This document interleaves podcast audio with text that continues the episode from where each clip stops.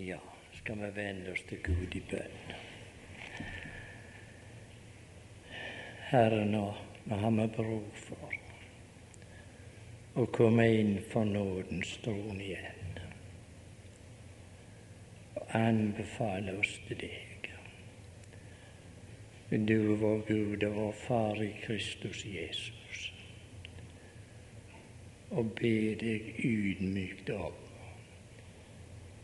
Gi oss nåde til å ta imot ditt ord, det vi har hørt i dag, og det vi fremdeles har lyst til å lese i lag. At den må være til de ære. Det, er min indre bønn.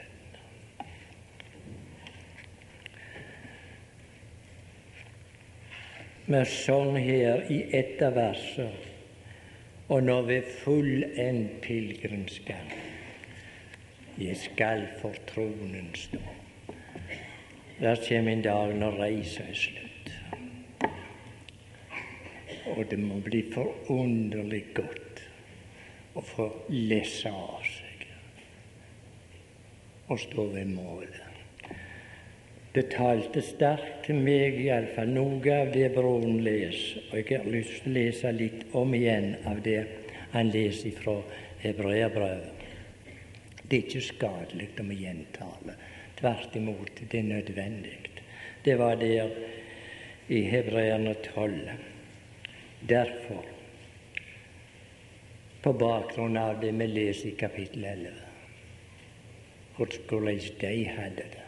Derfor La òg oss, da vi har så stor en sky av vitner omkring oss, avlegge alt som tynger, og synden som henger så fast ved oss. Åh. En ting er det løpe, men dette klisset, denne synder som henger så fast ved oss. Og du kunne skaffe tårer. Først er det et vanskelig løp, et vanskelig terreng.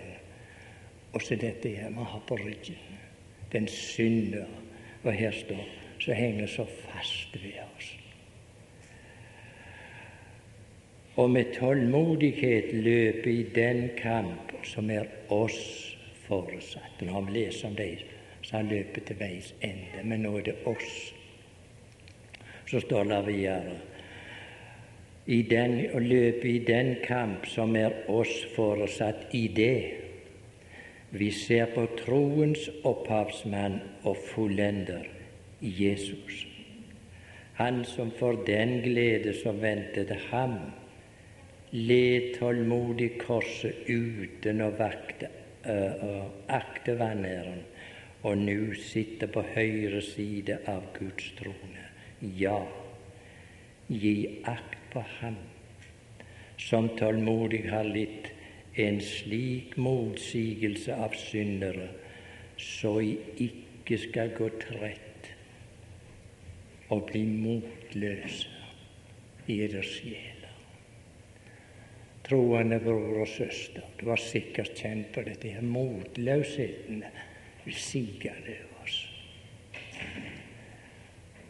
I mine guttedager så var det noe vi, kalte for flågepapir. Jeg vet ikke om, om alle her forstår hva det er for noen ting. Jeg tror ikke jeg gir sårt lenger.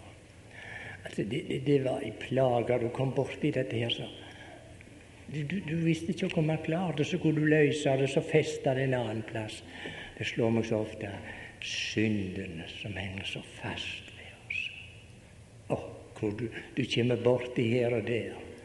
Men vi skal, vi skal gå løpet. Og så står det metoden for å ikke å bli motløse. Gud har gitt oss en metode her at vi ikke skal miste motet. For vi vet det, det må bli slik i løpet. Det er noe i den ryggsekken vår som tynger ned og, og, og vil ikke dra ut løpet. Der står 'i det'. Løp i det vi ser på troens opphavsmann og fullender, Jesus.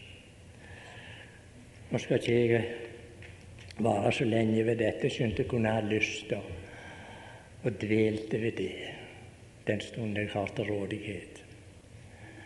Men jeg kommer på den beretningen som sikkert mange av dere har hørt. Det var den konkurransen jeg hadde i den gutteklassen. Og der gikk uh, konkurransen ut på De skulle ha et løp, og så skulle de se hvem som kunne løpe rettest. Det var ikke hvem som kom først i mål, for det er jo det vanlige. Kappes om det å komme først i mål. Men her var en annen beveggrunn for løpet. Jeg skal springe rett. Så stilte de opp tre gutter.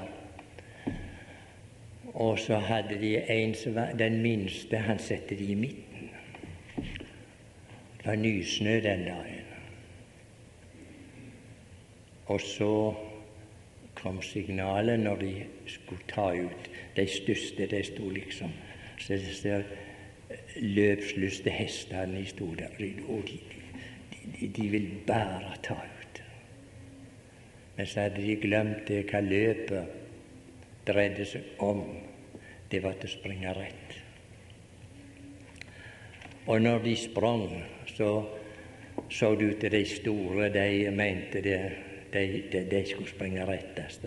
Og så snudde de seg og så i snøen. Sånn ene gangen etter den andre, og så ble det kroker i løpet.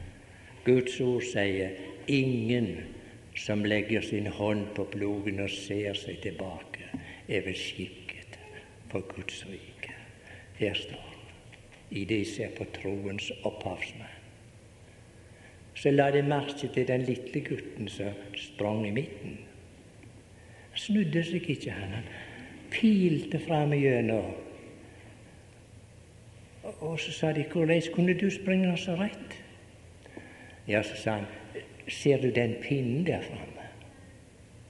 spurte spurt han denne her ja, den mannen som ordna med løp. 'Ja', sa han, 'jeg ser den.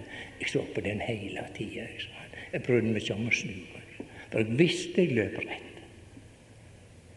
I det jeg ser på troens opphavsmann og fullender må Gud gi oss nåde til vi kan løpe rett.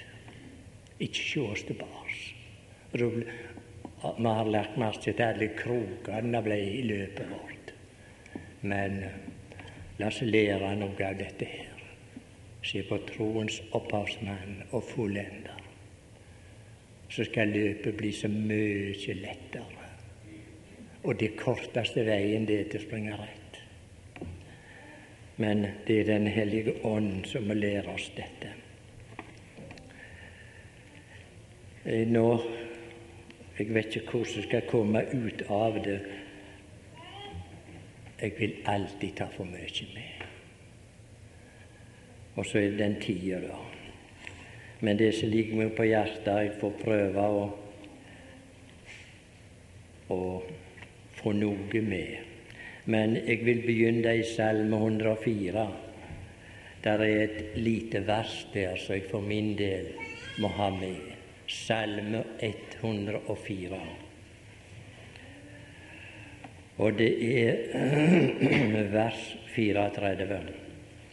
Og der står så Jeg kjenner det Jeg må ha det med for min egen del. Og der står Måtte min tale tekkes ham. Ja. Hvordan er det med oss når vi bærer fram våre vitnesbyrd? Tenker vi på å tekkes ham? Eller har vi som oppgave å snakke en annen til lags? Og så rører vi sammen kanskje dette her litt av vårt syn og våre tanker, litt av andre sitt syn og andre tanker. Og så glemmer vi å tekkes Han. Det ordet 'å tekkast' det, det, finner vi igjen nokså mange ganger i Bibelen. Og med, første gangen finner vi det i forbindelse med, med Enok. Der står det om Enok han vandret med Herren, og han tekkes ham. Det er et forunderlig ord, der. det brukes visstnok lite i våre dager. Jeg vet ikke om de unge kjenner det eh, ordet engang så mye, men vi seg en del til årsdag. vi eh, hva det innebærer, dette her, å være tekkelig. Å, ja vel. Jeg skal nå prøve, men jeg kommer snart tilbake til det gamle leiet. Altså, det er et ord som det står det heter 'tekkes ham'. Vi veit hva, hva, det betyr. Vi sier av og til om menneskene 'Å, du, du var et tekkelig menneske', ikke sant? Det ligger noe i det når vi treffer et tekkelig menneske. Men her er det tale om å tekke Herren. Det går an, det. Er det i annet Korinterbrev vi leser? Ja, nå skal jeg for sikkerhets skyld slå opp der i annet Korinterbrev. Skal vi sjå Ja. Og det er i kapittel fem. Derfor, og det er vers 9, derfor setter vi òg vår ære i, enten vi er hjemme eller borte, og tekkes Ham. Og tekkes Ham.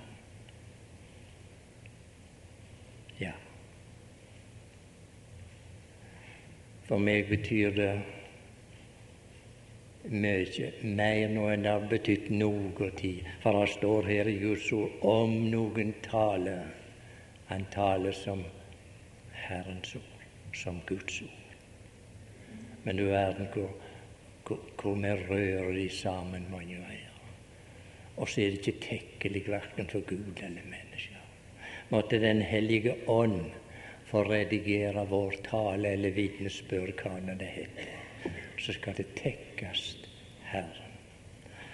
For Herren sa når han sendte Den hellige ånd, han skal ta mitt og kunngjøre eder. Ta mitt, sa han. Og det som Den hellige ånd har, det tekkes Gud. Så skal vi lese noen plasser om noen som tekkes Herren. Vi begynner i Markusevangeliet. For jeg håper jeg finner fram i den rekkefølge så, så tanken har det. I Markusevangeliet. Det er det 14. kapittelet. Der skal vi lese noen vers ifra begynnelsen. Markus 14. Men to dager deretter var det påske og de usyrede brøds høytid. Og ypperste prestene og de skriftlærde søkte råd til å gripe ham med list og slå ham i hjel.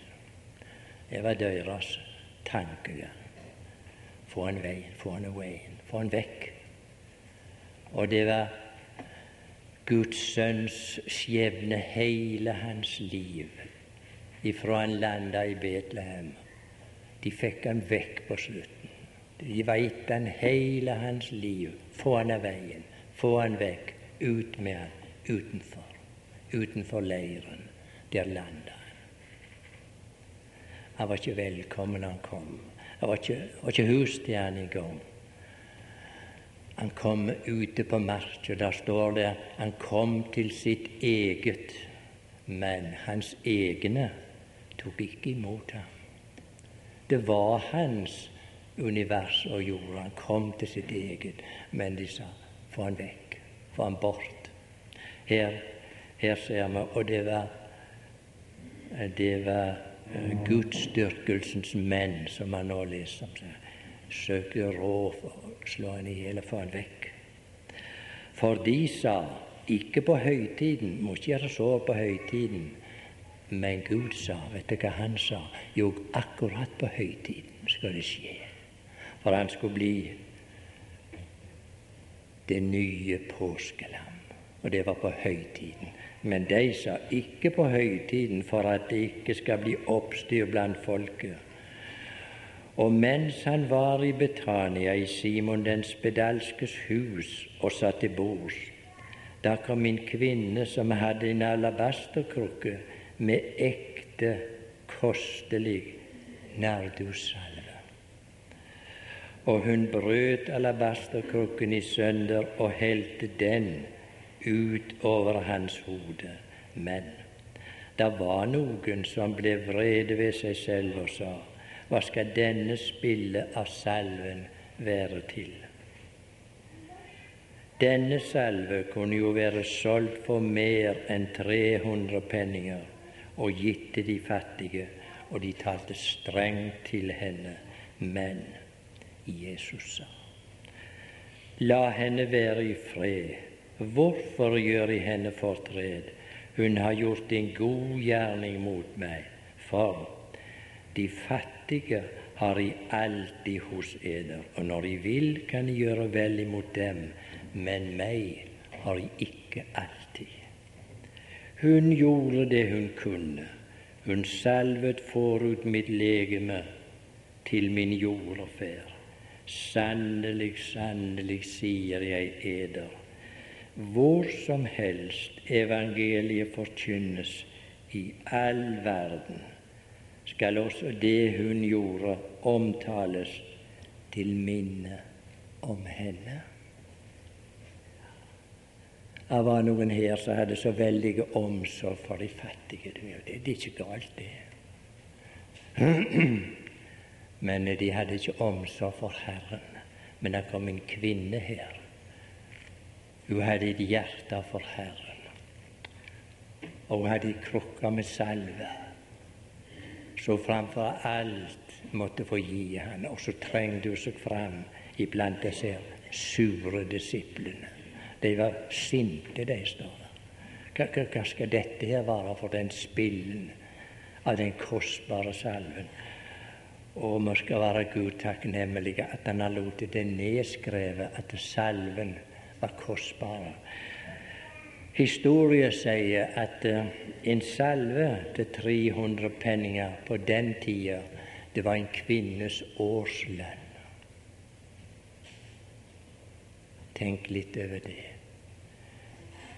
Hun hadde ingenting imot å gi Herren i hele årslønn, for hun hadde et hjerte som elska Han. Og framfor alt måtte hun komme i hans nærværelse og få gi han denne salven mens han ennå er i live. Vi går videre og leser ifra Her skal vi se ifra Johannes evangeliet i kapittel 12. Der leser vi òg om noen som hadde en salve å gi ham. Johannes evangeliet kapittel 12, og der leser vi for begynnelsen noen vers. Seks dager før påske kom da Jesus til Betania, hvor Lasarus var, han som Jesus hadde oppvakt fra de døde. Der gjorde de et måltid for ham. For ham gjorde de et måltid. Og Maria gikk til hånde, men Lasarus var en av dem som satt til bords med ham. Maria tok da et pund ekte, såre meget kostelig nardussalve og salvet Jesu føtter, og tørket hans føtter med sitt hår, og huset ble fylt av salvens duft en av disiplene, Judas Iskariot, han som skulle forråde ham, sier da Hvorfor ble ikke denne salve solgt for 300 penninger og gitt til de fattige? Ja, og svære omsorg for de fattige. Men de kom ikke på han som var væresalven. Men dette sa han, står det, ikke fordi de fattige lå ham på hjertet. Altså, det var svindel, dette her, ifra den mannens munn. Altså omsorg for de fattige. Men Herren har avslørt han. Han sa ikke for de fattige lå han på hjertet. Dette sa han ikke for de fattige, lå han på hjertet, men fordi han var en tyv og hadde pungen og tok det som ble lagt i den. Skal vi gå til Ja. Det er somme tider vi vet ikke hvor vi skal verken begynne eller ende, for det er så uendelig rikt, dette Guds ord. Kanskje vi skal gå til til Lukas evangeliet. Der leser vi om, noen kvinner så kom en salve. Lukas 24, der leser vi også fra begynnelsen. Lukas 24. Men på den første dag i uken, tidlig i dagningen, kom de til graven og hadde med seg de velluktende urter som de hadde tilberedt. Det var noen, De kom med en salve som de hadde tilberedt det var hensikten. Det var til Herren. Men de fant stenen velte fra graven, og da de gikk inn i den, fant de ikke den Herre Jesu legeme. Jeg har så mange tenkt. De kvinnene hadde et hjerte for Herren, men de kom for seint. Kom for seint. De ble ikke av med salven sin, de. Må det være en alvorlig påminnelse til deg og meg. La oss ikke komme for seint med å ære og tilbe og takke Herren. La oss få det gjort mens vi er her i livet. Snart kommer Han og henter oss. Da blir det ikke den anledning da er det Han som skal tilfredsstille våre hjerter. For det står vi skal mettes av Hans beskuelse. La det være en tanke for deg og meg. La oss skunde oss mens vi ennå har anledning. For disse kvinnene her, de søkte en død mann med den salven de hadde lagd. For hadde de hørt etter når han var iblant dem, så hadde de aldri lagd noen salve eller kosta på. For han hadde sagt etter tre dager står jeg opp, og så skal de gå til Galilea. Der skal de treffe meg. Men det står så betegnende om disiplene. Ingen trodde på det, at han skulle stå opp. Vi leser videre her. Og da de gikk inn i graven, fant de ikke den Herre Jesu legeme. Og det skjedde mens de sto rådville ved dette, se, da sto to menn hos dem i skinnende kledebånd. Og da de ble forferdet og bøyde sitt ansikt mot jorden, sa de til dem, Hvorfor søker i den levende blant de døde? De fikk en mild bebreidelse, disse her mennene. Hvorfor søker det den levende blant de døde. Han er ikke her. Han er oppstanden. Kom i hu hvorledes han talte til leder mens han ennå var i Galilea da han sa at menneskesønnen skulle overgis i syndige menneskers hender og korsfestes og oppstå på den tredje dag. Han gav dem en grei instruks både at han skulle oppstå, og hvor de skulle møte han. Men de hadde ikke akta på, så står det da kom de Herrens ord i hu. Tenk, da måtte ekstra sendebud fra himmelen til å minne de om dette som Herren hadde sagt. Men da våkna de.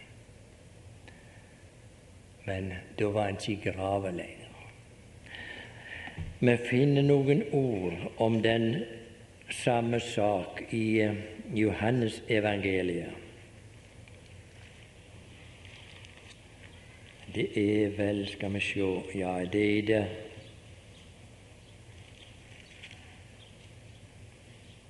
Ja, det er i det 20. kapittelet.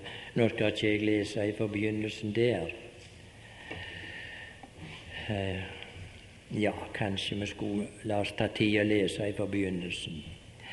Men på den første dag i uken kom Maria Magdalena tidlig til graven mens det ennå var mørkt, og hun så at stenen var tatt bort fra graven. Hun løp av sted og kom til Simon Peter og til den andre disippel, han som Jesus elsket, og sa til dem:" De har tatt Herren ut av graven og vi vet ikke hvor de har lagt ham. Ikke ble de av med salven sin, ikke visste de hvor han var. Eh, det, det var sånn eh, hva skal vi si, merkelig stemning. Her, her, var de på løp, ser du til, alle sammen. Men det var én som ikke løp fort, og det var Peter. Og vi skal ikke undres på det, han løp med et tungt hjerte, den mannen. For vi vet hvordan det var med Peter når han uh, var der ute på Gabbata, når han svor 'kjenner ikke den mannen'. Jeg undrer meg ikke på at den mannen ikke kunne springe fort. Den andre står det han løp fortere han enn Peter, men han kom bak etter, står det. Men her står om Maria Magdalena. Hun løp av sted og kom til Simon Peter og til den andre disippelen han som Jesus elsket, og sa til dem:" De har tatt Herren ut av graven, og vi vet ikke hvor de har lagt ham. Peter og den andre disippel gikk av sted og kom til graven. Men de to løp sammen, og den andre disippel løp i forveien hurtigere enn Peter og kom først til graven. Og da han bøyde seg ned, så han linklærne ligge der, men han gikk ikke inn. Simon Peter kom der bak etter ham, og han gikk inn i graven og så at linklærne lå der, og at svededuken som hadde vært på hans hode, ikke lå sammen med linklærne, men var lagt sammen på et sted for seg selv. Da gikk også den andre disippel inn, han som var kommet først til graven, og han så og trodde. Her ser ut til Han var den første av de som trodde på dette, at jammen er han oppstanden. Og de forsto ennå ikke Skriften, at han skulle oppstå fra de døde. Disiplene de gikk da hjem igjen, men så kommer vi til Maria Magdalena. Altså, hun, noen, ikke noen plass å gå til hun. Han som hun elska, han var død, og nå fant hun ikke hans døde legeme heller. Var det ingen plass å gå hjem, for hun hadde et hjerte som elska denne mannen. Og så ville hun gjerne salve hans legeme men det var ikke råd med det. Han var oppstanden. Så står det i vers 11.: Men Maria sto utenfor ved graven og gråt. Som hun nå gråt, bøyde hun seg og så inn i graven, og hun fikk se to engler sitte i hvite klær, en ved hodet og en ved føttene, der hvor Jesu legeme hadde lagt og de sier til henne, kvinne, hvorfor gråter du? De sporer til grunn. Hvorfor gråter du? Hun sier til ham, de har tatt min Herre bort. Min Herre har de tatt bort. Den eneste Maria hadde å leve for. For vi skal huske på det at i den kvinnes liv hadde Herren gjort noe, og det står nedskrevet her. Han hadde drevet sju vonde ånder ut av hennes liv. Det må undres på at hun elsker. At hun hadde en salve hun ville gi ham. Men her står hun og gråt. Og så leser vi videre. Og de men Maria sto utenfor ved graven og gråt. Som hun nå gråt, bøyde hun seg og så inn i graven. Og hun fikk se to engler sitte i hvite klær, en ved hodet og en ved føttene, der hvor Jesu legeme hadde lagt. Og de sier til henne, kvinne, hvorfor gråter du? Hun sier til dem, de har tatt min Herre bort, og jeg vet ikke hvor de har lagt.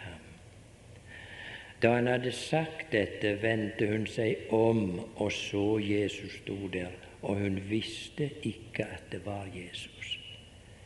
Kvinne, eh, Jesus sier til henne, kommer det samme spørsmålet igjen. Hvorfor, kvinne, hvorfor gråter du? Men han kommer med et tilleggsspørsmål, han. Og så sier han, Maria, hvem leter du etter? Hvem leter du etter? Og Maria skjulte ikke på hvem hun lette etter. Hun trodde at det var urtegårdsmannen og sa til ham, Herre, dersom du har båret ham bort, da si meg hvor du har lagt ham, så vil jeg ta ham. Men han har vel lov å si Elskede Maria, å, for et hjerte hun hadde, og la for dagen den kjærligheten, så vil hun ta han. Vi sier somme tider folk snakker opp over seg, ikke sant? Maria i sin svakhet ville ta en død manns legeme. Hun kjenner ikke sin begrensning, men eh, det var et hjertelag bak her som Maria talte ut ifra. Og når Herren hørte dette her Vi ser de to, de kom med et bebreidende spørsmål til hvorfor søker ut i den døde blant de le, ja, Hvorfor Hvordan var det nå, da? Hvorfor søker i den levende blant de døde? Men Herren visste at Maria elska han, og så sa han til henne Maria og står i Guds ord. Han kaller sine ved navn. Det skulle ikke mer til. Maria. Da vender hun seg om og sier til ham på hebraisk, Rabuni, det er mester. Jesus sier til henne, rør ikke ved meg, for jeg er ennå ikke faret opp til Faderen, men Gå til mine brødre og si til dem, jeg farer opp til min Gud, til min Fader og eders Fader, og til min Gud og til eders Gud. Aldri hadde han sagt dette før. For før Golgata kunne han ikke si det, for det var ikke slektskapet i orden. Her er det den nye familie. Så Herren proklamerer min Gud og eders Gud. Min far og eders far. Jødene sa det var dette jeg kritiserte han for. Han sa han er Guds sønn, han er Gud til far. De syntes det var svært de hadde Abraham til far. Men her er noe nytt som kom inn. Nå er, det, er han blitt far, og nå har han barn. Og til min Gud og eders Gud fare opp. Og når Maria fikk dette budskap Jeg vet ikke hvordan jeg skal si det det største budskap som er sendt ut ifra himmelen og nådd vår jord, det er dette budskap. Nå er han blitt vår far i Kristus Jesus, og nå er han blitt vår Gud på grunn av dette her. Og Herren ondsåg seg ikke for å sende dette himmelens og jordens største budskap ut. Han ondsåg seg ikke for å sende det med en kvinne. Han sa, 'Maria, gå nå så segg til mine brødre.' Nå hadde han fått brødre. og nå heter det i Guds ord med hans brødre. Det tar seg dårlig ut hvis vi sier han er vår bror. Det tar seg mye bedre ut når vi sier for han er den førstefødte, at vi er hans brødre. Når vi går tilbake til det første vi leser, så, så ser vi der den glede Herren hadde av denne salven. Der står det at eh, denne salven var kostelig. Og denne kostelige salven, den uforfalska, for der står han var ekte. Denne uforfalska salven som fylte huset med duft i Betania. Han har ennå ikke tapt sin verdi for Herren. Kan være sikker. Nå har ikke vi noen fysiske salver å gå hen med. Gud forlanger ikke det. Men han, han med glede hans hjerte med å salve Han. Der står det i hebreerne om Nå, hvordan er det det står der? Om leper som lover Hans navn. Det er nytelse for Herren. Så det er Faderens mat, står det vel en plass, at de erkjenner Ham. Og det var dette her Herren sette så pris på. Han sa når han gav oss Bibelen, dette skal nedskrives. For hun, sa han, hun gjorde det av kjærlighet. Og så skal det nedskrives, og på denne måten så hvor som helst evangeliet forkynnes i all verden, skal også det hun gjorde, omtales til minne om henne. Gud gi at vi må ha mer forstand på å finne fram salven og glede hans hjerte mens vi er på vandring. Så skal vi bare bla tilbake til, til Johannes evangeliet, der som vi leser om om den salven som de gav han i Betania. Det er et forunderlig tilfelle der vi leser om Herren og i Betania. Vi ser han var gjemt der. Når han var for full og mislikt overalt, så ser det ut han tok seg inn en tur til Betania. For der, der var han velkommen.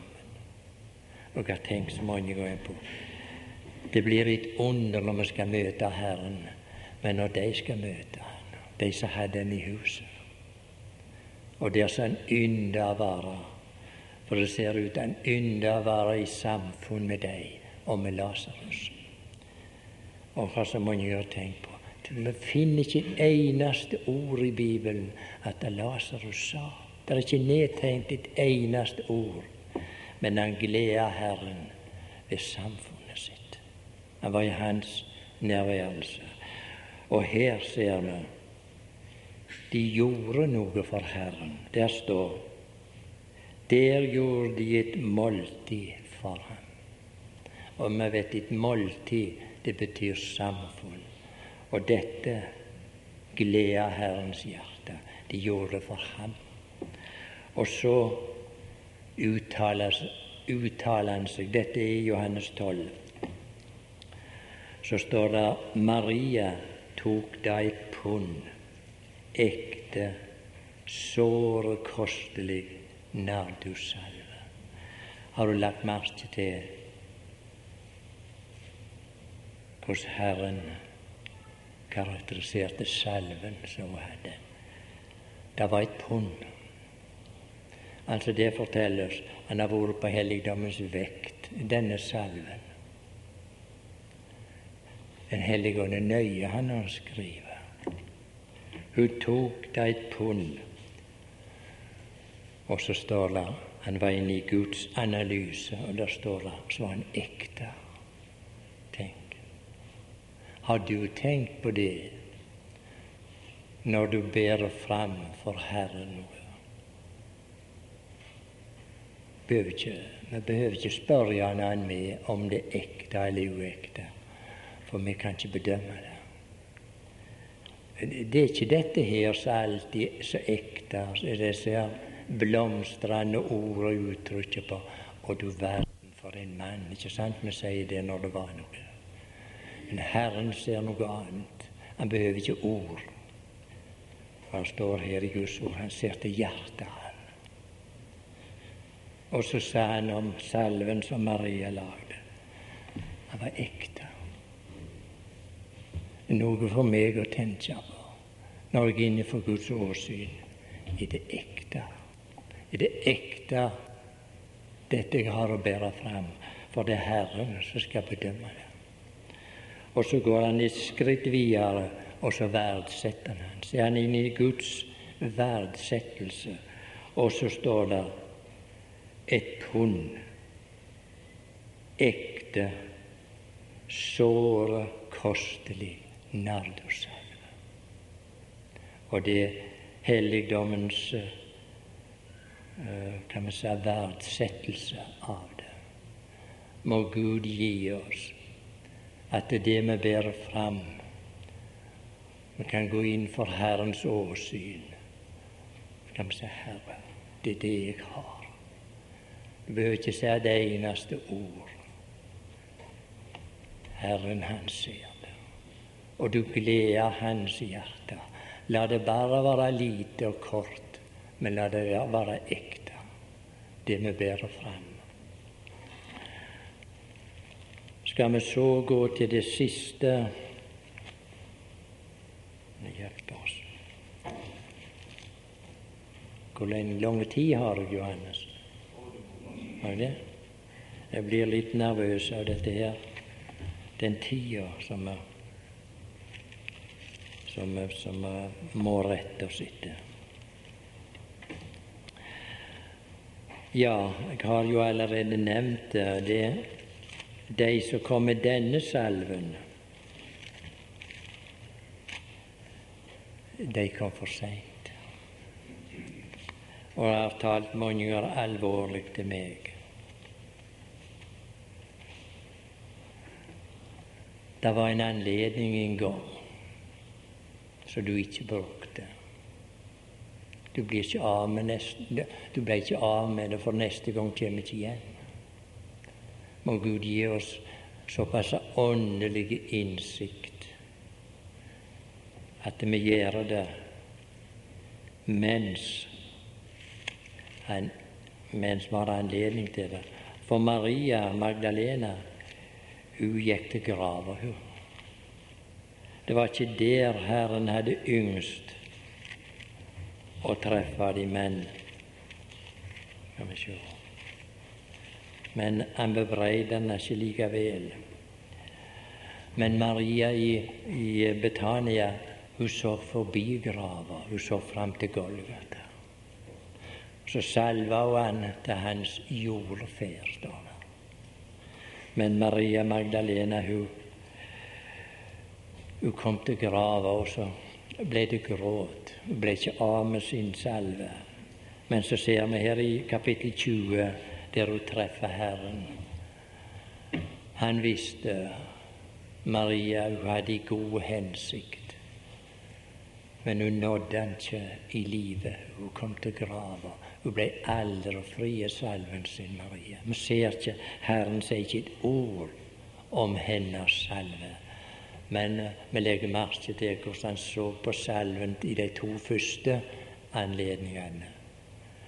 Gleda hans hjerte, og så sa han hvor som helst evangeliet forkynnes i all verden, skal det hun gjorde imot meg, være til minne om henne. Her ser vi Maria Magdalena når hun fikk et møte, men Herren glemte ikke Maria Magdalena. Hun traff han ikke i grava, men hun traff han levende. Hun fikk et møte med han, og når han sa Maria, så ville hun omfavne han. Så sa han nei, Maria. Maria ville ha han her. Hun ville omfavne han og beholde han her. Nei, Maria, du skal ikke ha meg her, men jeg skal ta deg med der opp. For derfor sa han, jeg går bort til min far og eders far. Gå nå og seg til brødrene mine at jeg er oppstanden, og jeg skal fare opp til min far og eders far. Så var Marias sorg stråken vekk. Hva var det for noe? Det var et møte med den oppstandende. Er det fremdeles noen i verden Ikke gå i grava og leite, for han er ikke der. Så ser vi videre her. Det var noen disipler som satt avskremte inne på salen. Snudde nøselig døra av frykt, står det for jødene. Og har grunn til å tenke ja, ja, har de tatt han, så er det vår tur neste gang.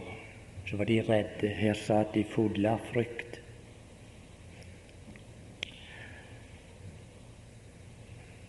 Og så står det i vers 18 Men Maria Magdalene Altså nå er jeg i Johannes 20. Maria Magdalene kommer og forteller disiplene jeg har sett Herren, og at han hadde sagt dette til henne. Dette vitnesbyrdet. Da det nå var aften den dag, den første dag i uken, og dørene var lukket der hvor disiplene var, av frykt for jødene, kom Jesus og sto midt iblant dem og sa til dem, Fred være med eder. Da ble disiplene glad da de så Herren. Leser vi videre ned gjennom, så treffer vi en enkel motløse mann. Han har mistet troen på alt sammen. Thomas, han tvilte. Du verden hvor han tvilte. Vi leser tidligere om Thomas, det er vel i, i Johannes 11, når de, skulle, når de skulle gå til Lasarus. Så sa de, vil du nå gå tilbake eh, til Betania igjen? Og de ville jo slå deg i hjel sist du var her. Så sa Thomas, la oss gå med han, og la oss dø i lag med han. Thomas, han elsker Herren.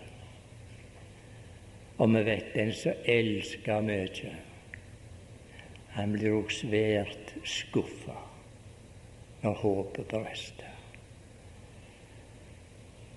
Og her står han det var tvil. Du, han tvilte på alt og alle. Han hadde skilt seg ut ifra dem, og så var han alene. Så oppsøkte Herren han den tvilende, det tvilende barnet sitt han hadde. Og nå, nå var de blitt barn av Gud. De var hans brødre. Og så tok han seg tid, så oppsøkte han denne stakkars broren han hadde fått seg. Og så leser vi om det møtet, ikke sant? Thomas kommer med en bekjennelse, ikke bekjennelse, la meg ikke kalle det det ja, jeg skal kalle det da et vitnesbyrd. Når Herren hadde sagt Thomas, stikk nå fingeren din borti såret min, og legg nå hånda borti sida. Ikke vært vantro, men troende. Har du lest hva han sa? Min Herre og min Gud. Sånn blir det mitt møte med Herren. Her ser vi et møte med den oppstandende. Det drev sorgen bort ifra Marias hjerte. Et møte med Herren for de som var redde. Det drev frykten bort. Og et møte med, han med Herren for Han som tvilte. Tvilen var borte et møte med den oppstandne. Bror og søster, ennå i dag er sorg, og her er frykt, og her er tvil. Botemiddelet et møte med den oppstandne. Gud gi at det må bli mer og mer sant i våre liv. at vi får et møte med den levende og oppstanden. Og la oss be Gud om visdom til å salve Han mens vi har anledning. Og så har Han gitt oss dette ordet i Johannes evangeliet. Må det ikke bli for seint med salven, men at vi gjør det mens vi ennå har anledning.